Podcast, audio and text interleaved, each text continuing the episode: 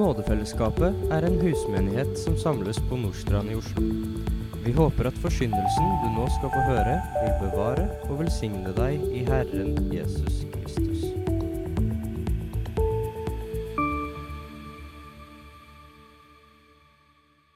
Herre Jesus, nå ber jeg deg om at du taler til oss, at du taler inn i hjertene, at du tar bort eventuelt det jeg sier som ikke er sant og ikke rett. Men jeg ber deg, Herre, om at du gir meg den nåde og taler slik som ditt ord taler. Det ber jeg om i Jesu navn. Amen. Gå inn gjennom den trange port, for vi er den porten, og bred er den veien som fører til fortapelsen. Og mange er de som går på den og inn gjennom den. For trang er den porten, og smal er den veien som fører til livet. Og få er de som finner den. Gå inn gjennom den trange porten. Det er det Jesus befaler sine disipler i dagens tekst. Det er ikke et forslag. Jesus han holder bergprekenen ca. ett og et halvt år inn i sitt virke. Ca. ett og et halvt år etter at han ble døpt. Jeg var akkurat på den plassen ved Jordanelven hvor man antar at Jesus ble døpt. Ett og et halvt år etterpå så har han bevega seg fra der sør, nesten helt nede ved Dødehavet, og så er han altså på dette fjellet bak Kapernaum, ser utover Genesaretsjøen og sier dette. Ikke lenge i forveien her så har Jesus kalt den siste disippelen sin. Og nå er de, disse tolv disiplene er altså mange av de ganske ferske. Eh, og bergprekenen den er jo på mange måter grunnleggende for veldig mye som handler om den kristne tro. Så det er veldig grunnleggende undervisning som Jesus har holdt på med. Og her i Nådefellesskapet så har vi snart holdt på i ni måneder siden vi begynte da å studere bergprekenen. Og flere ganger underveis har det blitt poengtert at Jesu lære viser oss at ikke noe menneske makter å leve slik som Gud krever av oss. Han krever jo nemlig fullkommenhet. Og jeg vet ikke hvordan det er med dere når dere ser inn i dere sjøl, om dere føler dere fullkomne eller ikke. Jeg er langt unna der. I møte med kravet om fullkommenhet og i møte med Guds hellighet så har mennesker forsøkt å senke eller rett og slett bare fjerne alle krav. Og begge deler det har sammen med alle menneskelagde religioner og trossamfunn hatt ett overordna mål. Og det er å skape religiøse systemer, enten de er teistiske eller ateistiske, som gjør at mennesker kan klare å tilfredsstille kravene, eller slippe å tilfredsstille kravene helt på egen hånd. På den måten skal mennesker forsvare egne verdier, egne valg, og man kan velge å leve sånn som man selv syns er rett. Og på den måten så kan mennesker oppnå frelse ved egne gjerninger og egen godhet. I hvert fall er det det som er tanken. Og om kjærlighet spiller noe som helst rolle i disse på en måte menneskelige byggverkene, så er den kjærligheten som vi så på forrige gang, den er alltid passiv. Det passive kjærlighetsbudet, eller doble kjærlighetsbudet som vi kjenner til, den er jo proaktiv. Kjærligheten er alltid aktiv. Siden kjærligheten er aktiv og ikke søker sitt eget, så vitner jo dette om at det i så fall er egenkjærlighet som dominerer de menneskeskapte systemer og religiøse sammenhenger. Frelse og kontakt med Gud liker man at skal kunne skje individuelt. Man skal kunne gå inn i sitt eget indre, lage sitt eget system. Eller så skal det kunne oppnås kollektivt gjennom en eller annen kirke eller annen type religiøs tilhørighet. Og Slik så har mennesker skapt systemer som passer til alle. Overalt og til alle tider. De flinke og ærgjerrige de kan følge et strengt system som krever veldig mye av dem. Et system som også kan la dem begynne å kontrollere andre. De bedagelige og litt sånn late de kan godt melde seg inn i en eller annen sammenheng som kan gjøre jobben for dem. Det er veldig, veldig greit, det. Hvis noen andre kan bare gjøre det, og så er jeg bare medlem, og så holder det. De bevisste de kan begynne å søke kunnskap og visdom overalt og fra enhver kilde. Nærmest ukritisk. Og de mystiske de kan begynne å se inn i seg selv og finne Gud der. Og de som tror at de ikke tror på noe, har jo avskaffa både Gud og liv etter døden. Og de har dermed lagt lista så lavt at de, de vil jo nå dette målet om ingenting uansett. Og i mellomtida så kan man altså leve uten å bekymre seg for å måtte stå ansvarlig for sitt eget liv. Bibelsk tro og sann kristen tro og forkynnelse fra en sann kristen kirke de møter kravene som Gud kommer med, og som bergprekenen skildrer så godt for oss, på en annen måte. Den skiller seg egentlig fra alt annet i verden ved at den er basert på guddommelig gjennomføring. Guddommelig gjennomføring. Og guddommelig gjennomføring er motsatsen til menneskelig målsetting. Menneskelig målsetting. Ifølge Bibelen så vil menneskelig målsetning den vil alltid feile. Den vil alltid feile fordi Bibelen lærer at alle har syndet og står uten ære for Gud. Med andre ord så sier Guds ord at alle mennesker bommer på målet. Da er det dumt å være i et system som er basert på menneskelig målsetting. Fordi Bibelen forteller at du vil garantert bomme. Menneskelig målsetting vil derfor aldri kunne føre ett eneste menneske til Gud selv der mennesker har Gud som sin målsetting.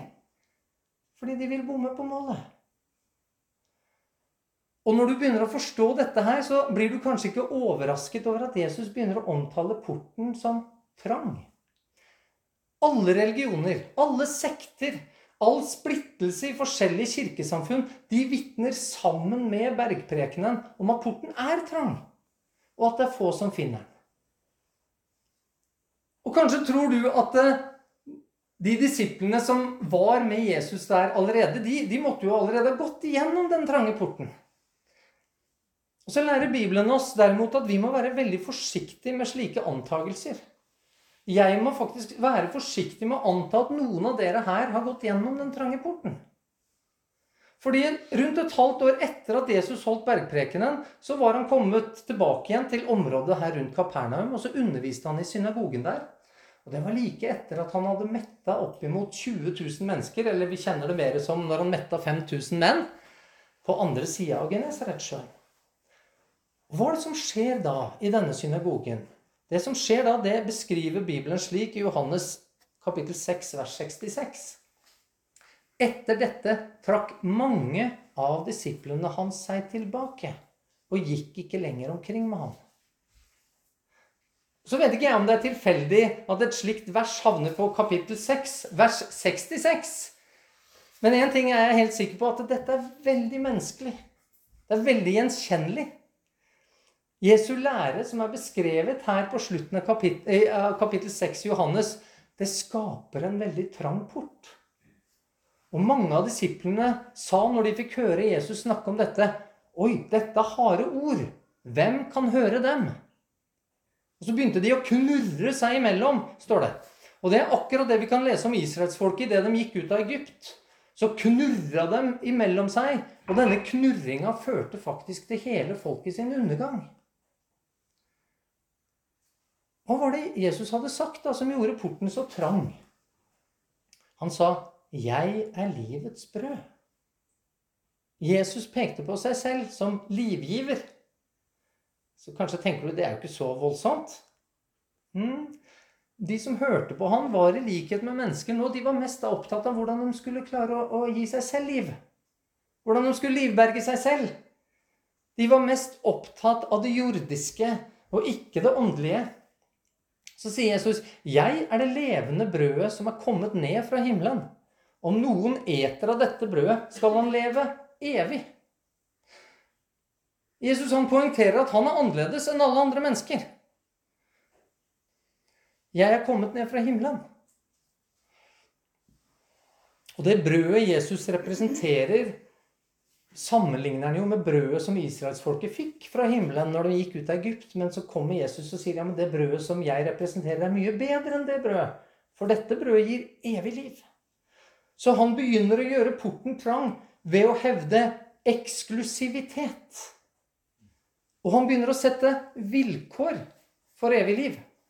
Sant? Om noen eter av dette brødet. Og så gjør han porten enda trangere når han som kontrast til denne positive setningen om å leve evig, forteller den negative motsatsen som gjør at man mister livet. Og Jesus sier, 'Dersom dere ikke eter menneskesønnens kjød og drikker hans blod, har dere ikke liv i dere.' Nå er ikke dette en utleggelse av Johannes 6, og det er enormt mye her vi kunne tatt tak i. Men for denne gangen er det nok å forstå at Jesus ved disse få ordene har undervist at ikke noe menneske kan nå det sanne livet. Det evige livet på egne vilkår. Med egen kraft, med egen visdom, med sine egne målsettinger for hva dette livet skal innebære. Så visste Jesus hva som bodde i hjertet til disiplene, og så forklarer han deres problem og sier det er noen av dere som ikke tror. En ganske snill måte å si det på når altså de aller fleste gikk bort. De aller fleste trodde ikke. Og så var det få som ble igjen. De mange de var altså ikke tilfreds med de vilkår for evig liv som Jesus ga, og valgte en annen vei for å nå sine egne målsettinger for livet. Og som du ser, så er det altså ingen selvfølge at disiplene hadde gått gjennom den trange port. For bare et halvt år senere så viser det seg altså at de aller fleste av dem ikke har gjort det som Jesus befalte dem å gjøre i bergprekenen, om å gå gjennom den trange porten. Hadde de forstått da hvordan de skulle gå inn gjennom porten? Hadde de forstått det, eller har, har du forstått det? På 1940-tallet så var det to evangelister som ble veldig kjent og populære. En av dem det var Billy Graham. Han regner jeg kanskje med at noen av dere har hørt om. Og den andre var en som het Charles Templeton. Og det var den siste av disse to som alle trodde kom til å forkynne evangeliet og bare vende hele verden om til Gud. Så flink var han. Altså Charles Templeton. Men istedenfor det så ble han senere ateist og skrev boken 'Farvel til Gud'. I boken så beskriver Templeton sitt fall bort fra troen, og så ber jeg deg merke deg grunnen han gir for hvorfor han selv ikke trodde, og hva han mener er grunnen for at Billy Graham fikk en så stor påvirkning som han fikk. Skal jeg lese utdrag fra boken her. I løpet av vår samtale så sa jeg Men Billy, det er jo rett og slett ikke lenger mulig å tro på f.eks. den bibelske skapelsesberetningen. Verden ble ikke skapt over en periode på dager på noen, for noen tusen år siden. Den har utviklet seg over millioner av år. Det er ikke et spørsmål om spekulasjoner. Det er et beviselig faktum. Og svarer Billy Graham. Jeg godtar ikke det. Og det er anerkjente forskere som ikke gjør det. Så svarer han andre. Hvem er disse lærde, da? Menn i konservative kristne høyskoler, liksom? Ja, de fleste av dem, ja, sa han. Men det er ikke poenget. Jeg tror på skapelsesberetningen i første Mosebok fordi den står i Bibelen. Jeg har oppdaget noe i min tjeneste. Når jeg tar Bibelen bokstavelig, når jeg forkynner den som Guds ord, har min forkynnelse kraft. Når jeg står på talerstolen og sier 'Gud sier', og Bibelen sier, så bruker Den hellige ånd meg. Det er resultater. Klokere menn enn du og jeg har kranglet om spørsmål som dette i århundrer. Jeg har ikke tid eller intellekt til å undersøke alle sider av den teologiske striden. Så jeg har bestemt meg en gang for alle for å slutte å stille spørsmål og akseptere Bibelen som Guds ord. Det var forskjellen mellom dem da. Billy Graham han ville en gang for alle akseptere Bibelen som Guds ord. Det er en svært fornuftig konklusjon. Jeg tror derimot ikke løsningen er å slutte å stille spørsmål. Og bare tro, liksom. Nei, det er viktig å stille spørsmål. Men enda viktigere er det hvem du stiller spørsmålene til. Jeg har møtt flere kristenledere som ikke vil snakke om bestemte spørsmål rundt Bibelen. Det, det var nærmest tåpelig, mente de. Og den holdningen mener jeg har skada deres virke i stor grad.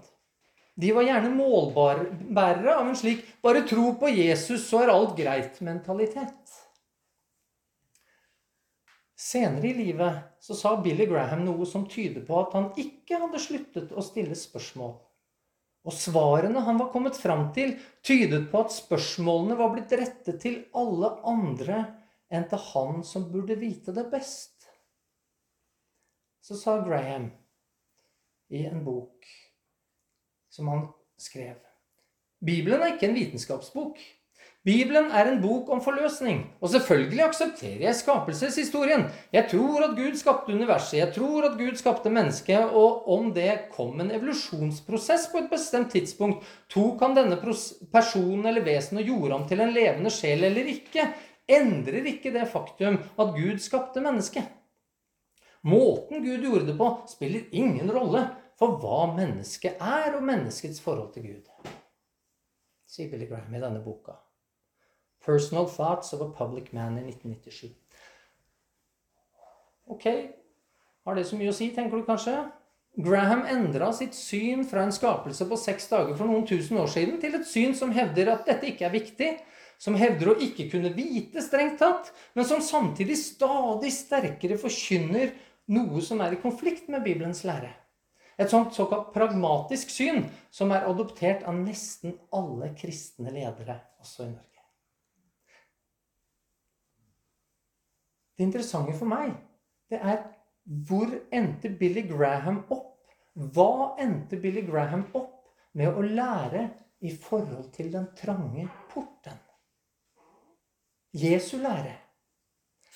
I 1997, det samme året som boken med sitatet jeg leste, ble publisert, så ble Billy Graham intervjuet av en som heter Robert Schuller Eh, på hans program Hour of Power. Det er ikke sikkert dere vet hvem Robert Schuler er, men han er en prest som er kjent for at han bygde en krystallkatedral i Orange County i California og gikk dundrende konkurs. Det er det han er kanskje mest kjent for. I dette programmet Hour of Power så sier Billy Graham dette.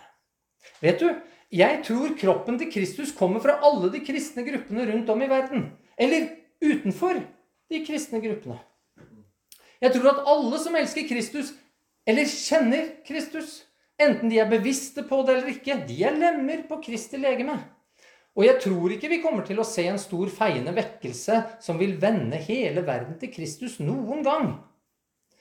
Det Gud gjør i dag, er å kalle folk ut av verden for hans navn. Enten de kommer fra den muslimske verden, eller buddhistiske verden, eller den kristne verden, eller den ikke-troende verden. De er medlemmer av kroppen til Kristus fordi de er blitt kalt av Gud. De vet kanskje ikke engang navnet på Jesus. Men de vet i sine hjerter at de trenger noe de ikke har, og, de venner seg til det eneste lyset de har. Og hva er det? Jo, det vil jo da være buddhisme, islam og ateisme. Det er det lyset de mener de har. Og jeg tror de er frelst, og de kommer til å være sammen med oss i himmelen. Dr. Schuler svarer da Det jeg hører deg si, er at det er mulig for Jesus Kristus å komme inn i et menneskes hjerte, sjel og liv, selv om de er født i mørket og aldri har vært utsatt for Bibel. Er det en korrekt tolkning av det du sier? Ja, det er det jeg tror, svarer Graham. Jeg har møtt mennesker i forskjellige deler av verden i stammesituasjoner der de aldri har sett en bibel eller hørt om en bibel, som aldri har hørt om Jesus, men de har trodd i sine hjerter at det finnes en Gud, og de prøvde å leve et liv som var annerledes enn det omkringliggende samfunnet de bodde i.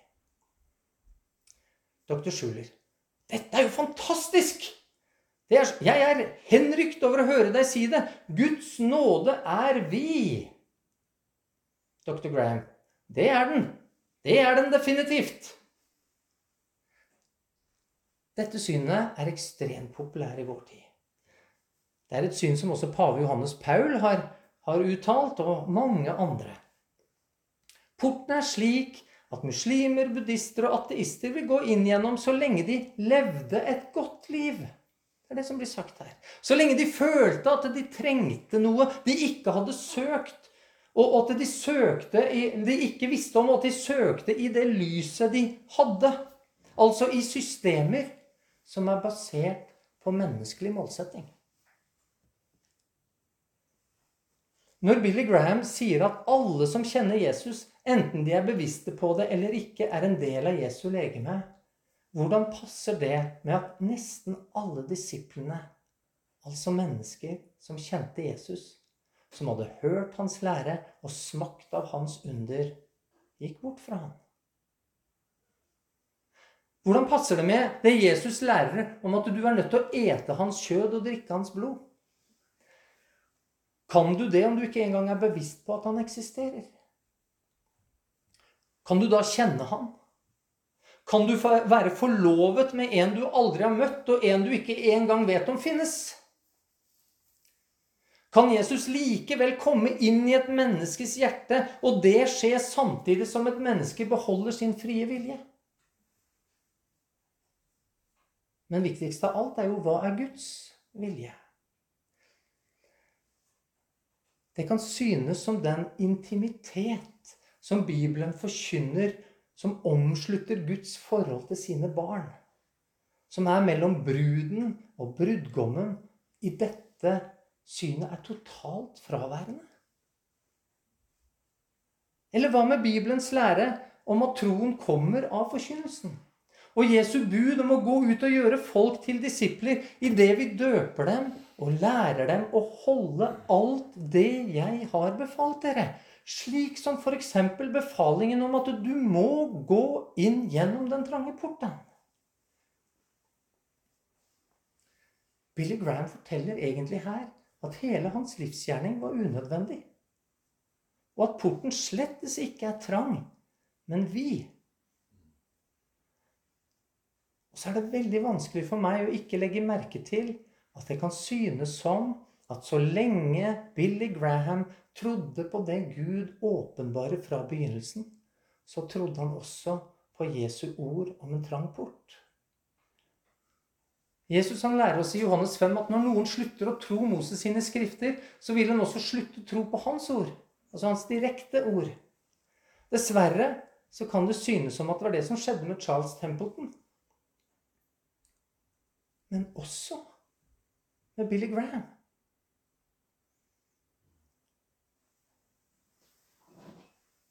De som har størst skadepotensial i Guds rike, er det den eller de disiplene som forlot Jesus? Eller er det den som på tross av at han ikke går inn gjennom den smale porten, likevel blir igjen? Hvem har størst innflytelse på menigheten? De som aktivt tar avstand, eller de som blir igjen og sår ugress? For Jesus han hadde en disippel som ble værende, men som aldri gikk gjennom den trange porten. Og Johannes 6, 69 så sier Jesus om han En av dere er en djevel. Ordet djevel det kommer fra å kombinere to greske ord, dia og bolos. Og sammen så bærer de en betydning som handler om å, å trenge igjennom ved å kaste noe eller hive noe. Altså trenge igjennom med makt. En djevel er altså en som kaster løgner og anklager og falske påstander og håper å trenge igjennom inn her. Inn her.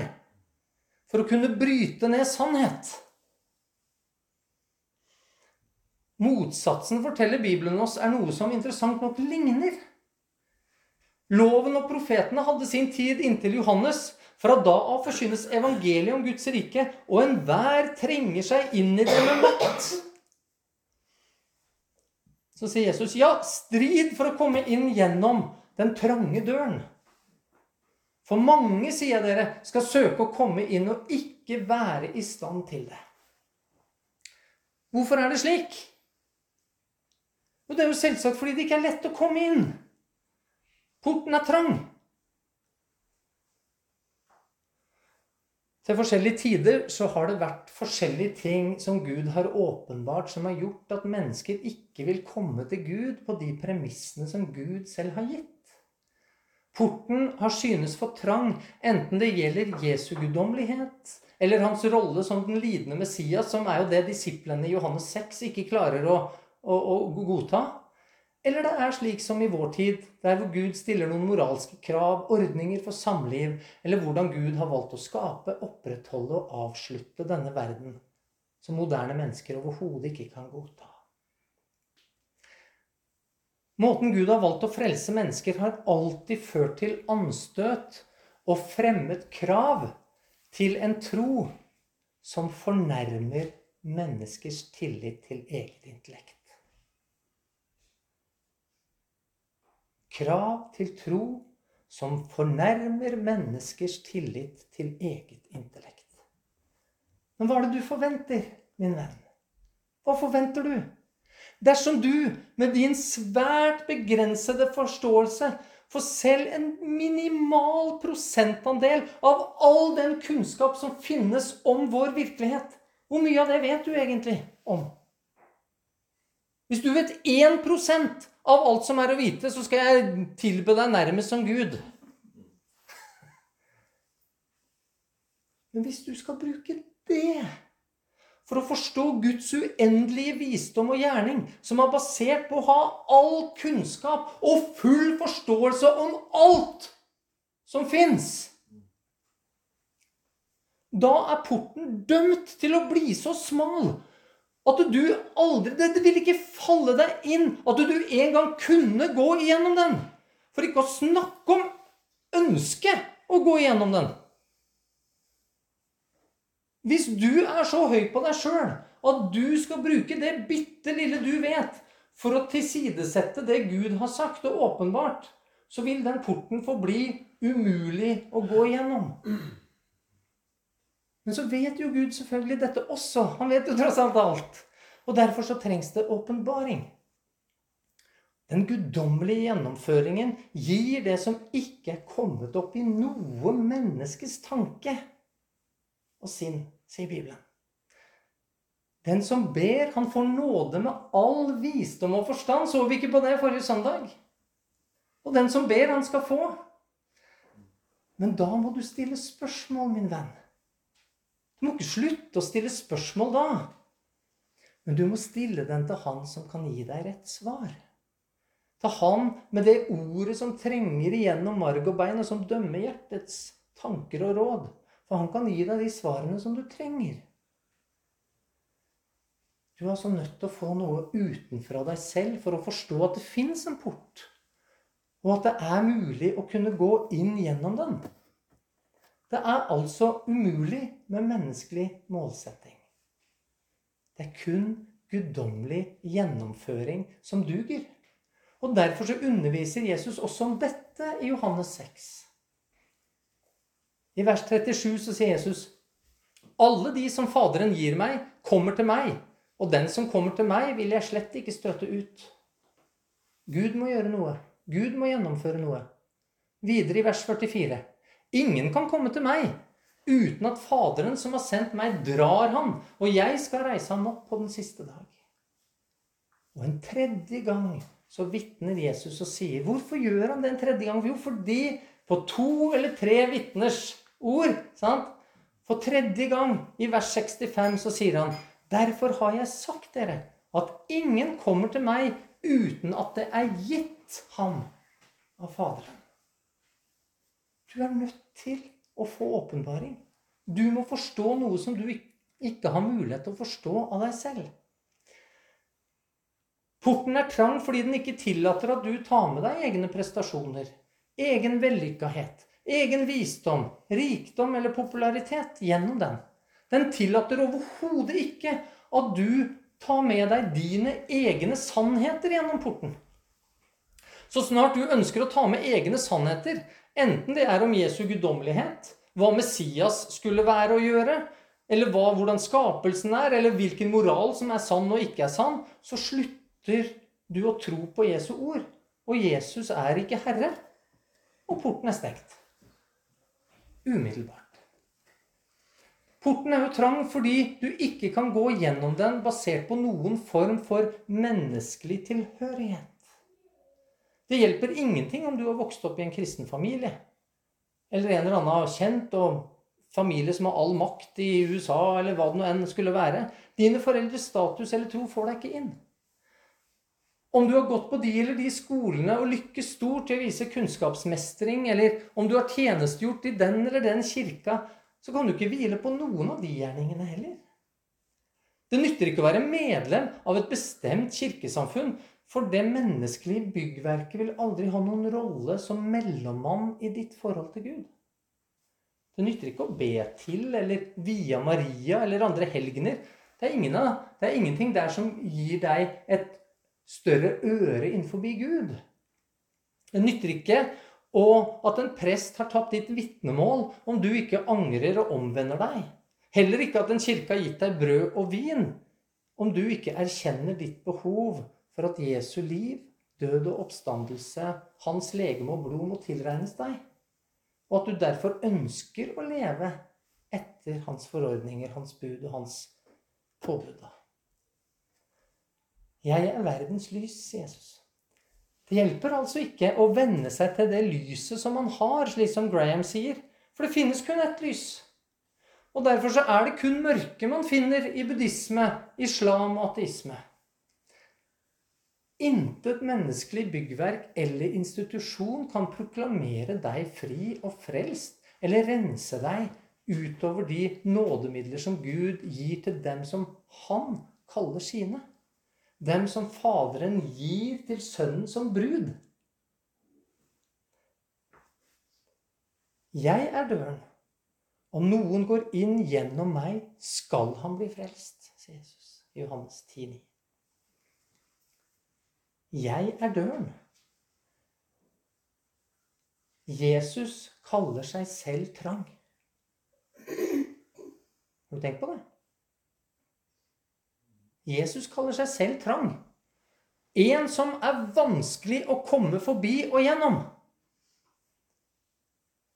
Selvfølgelig må det være slik. For Jesus er Gud, og Guds krav er at du skal være fullkommen. Du må være like hellig og ren som Gud selv er, for at du skal komme gjennom. Og det er vanskelig å trenge gjennom når dørvokteren har all makt i himmel og på jord, aldri sover og aldri slumrer. Da begynner vi å snakke om tidenes største underdrivelse, venner. Tuller du med meg, eller? Sant? Da er det mer realistisk når Jesus sier at det er lettere for en kamel å gå gjennom et nåløye enn for en som har mammon, altså en annen herre enn Jesus, å komme inn i Guds rike. Det bildet forstår vi nemlig, for det er umulig. Selve virkeligheten må være helt annerledes om en kamel skulle kunne komme gjennom et nåløye. Hva måtte skje da? Jo, man måtte omforme selve fysikkens lover. Hele naturen måtte forandres hvis det skulle være mulig. Og så er det akkurat det Gud har gjort. Det er det guddommelig gjennomføring gjorde. Gud har skapt en ny virkelighet, en ny natur, der det er mulig selv for kameler å komme gjennom nåløyer. Fordi ingenting er umulig for Gud. Og hvordan gjorde da Gud det? Paulus han forklarer det slik i Romerne 8,3. For det som var umulig for loven. Fordi den var maktesløs på grunn av kjødet. På grunn av meg som menneske, på grunn av min natur. Det gjorde Gud da han sendte sin egen sønn i syndig kjøds lignelse. Han sendte sin sønn som en som ligner på meg, som ligner på den jeg er av naturen. Og for syndens skyld så gjorde han det. Fordi vi bommer på målet. Og så fordømte han synden i kjødet. Kjødet var maktesløst i møte med Guds krav i loven. Fordi alle mennesker bommer på målet. Selve naturen, menneskenaturen, gjør det umulig å gå gjennom porten. Men Gud gjennomførte sin plan og oppfylte kravene når han kom som et menneske til jorden. Han tok på seg vår natur. Og i han ble det å bomme på målet fordømt. Det ble viska ut. Og slik Jesus tok på seg vår natur, din natur, og oppfylte kravene, så skal du få lov til å ta på deg hans natur. Når Jesus sier at porten er trang, så er det altså en stor underdrivelse. Men han legger også én ting til, til i dagens tekst. Han sier at det er få som finner porten. Og jeg finner jo det litt sjokkerende. For Jesus er i dag kanskje den mest kjente personen i verden. Vitnesbyrd om han fins overalt. Men Det er bare et tastetrykk unna. Det er bare en kirke unna. Et tastetrykk hvis du har internett, i hvert fall. Og han er beskrevet i verdens desidert mest solgte og leste bok. Hvordan skulle han være vanskelig å finne? Jo, grunnen til det det skal vi fokusere på neste søndag. Men vi kan lese om det også i Markus 13, vers 6. Mange skal komme i mitt navn og si 'det er meg'. Og de skal føre mange vill. Derfor er han vanskelig å finne. Ikke fordi at du ikke kan finne en bråte med folk som snakker om Jesus, men fordi de fleste som snakker om Jesus, snakker ikke sant om Jesus. De er mennesker som vil kaste ting på deg. Løgner, usannheter, bebreidelser. Og vil trenge inn her og inn her og få deg til å ikke finne bort. Jesus han står med utsikt over Genesaretsjøen, og han snakker til sine disipler. Alle sammen er troende. Men mange valgte den brede vei, så vi. Han snakket også til alle de andre som var der for å høre på. Vi vet ikke helt hvor mange det var, men det var nok ganske mange. Det fantes ikke én av de som ikke var troende. Det var ikke én ateist der. Men nesten alle forkasta Jesus og valgte den brede vei. Hvem er det Jesus snakker om når han snakker om den smale og den brede vei? Snakker han om de troende som tror på Jesus på den smale, og alle ateistene på den breie? Eller muslimene og buddhistene og sånn? Nei, han gjør ikke det. Han snakker om alle de troende. Hvor få de troende går på den smale vei, og de aller fleste troende går på den brede vei.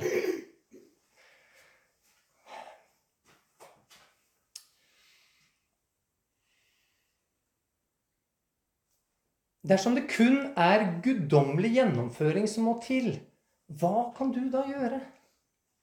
Har du tenkt på det? Hvis det er Gud som gjør det likevel, så kan vi bare bli fatalister alle sammen og bare legge oss ned og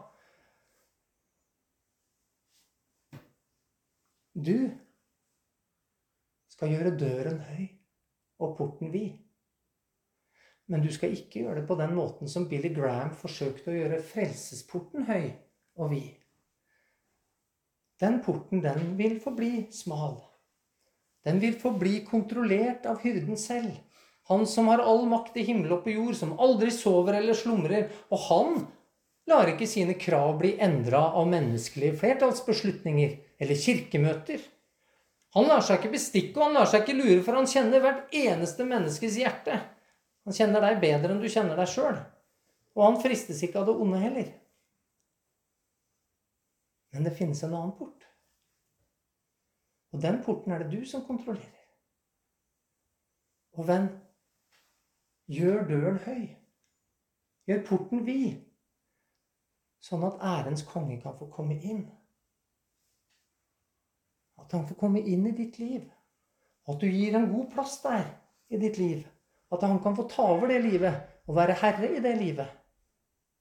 Og så vil han ved guddommelig gjennomføring gjøre noe som bare han kan. Han vil gjøre et under der inne i deg. For han vil gjøre om virkeligheten, om hvem du er. Han vil gi deg en ny natur. En natur som gjør at du kan komme gjennom et nåløye.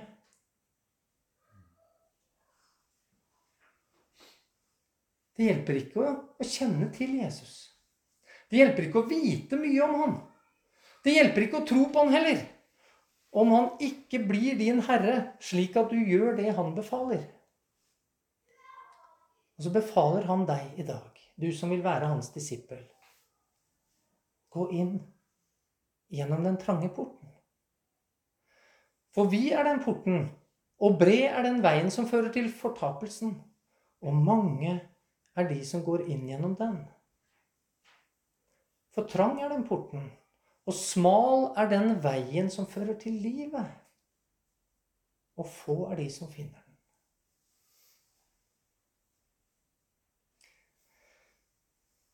Kjære Herre, vi vi kommer ikke unna at dette er en alvorlig tekst. Eh, vi kommer ikke unna at dette gjelder oss alle. Ja, det gjelder alle mennesker. Så er det slik at det fins så mange der ute som vil komme i ditt navn, og som vil kaste ting på oss. Tanker, anklager, falskhet Vitenskap som bare er vitenskap i navnet. Og så står det i ditt ord at mange har bekjent seg til de tankene og gått bort fra troen. Herre, vi ber om at du ville komme inn i hver enkelt av våre hjerter. At du måtte få gjøre din guddommelige gjennomføring i oss. Slik at vi kunne få lov til å følge det påbudet som du har gitt, fordi vi har gitt deg rom, at du har blitt herre i vårt liv.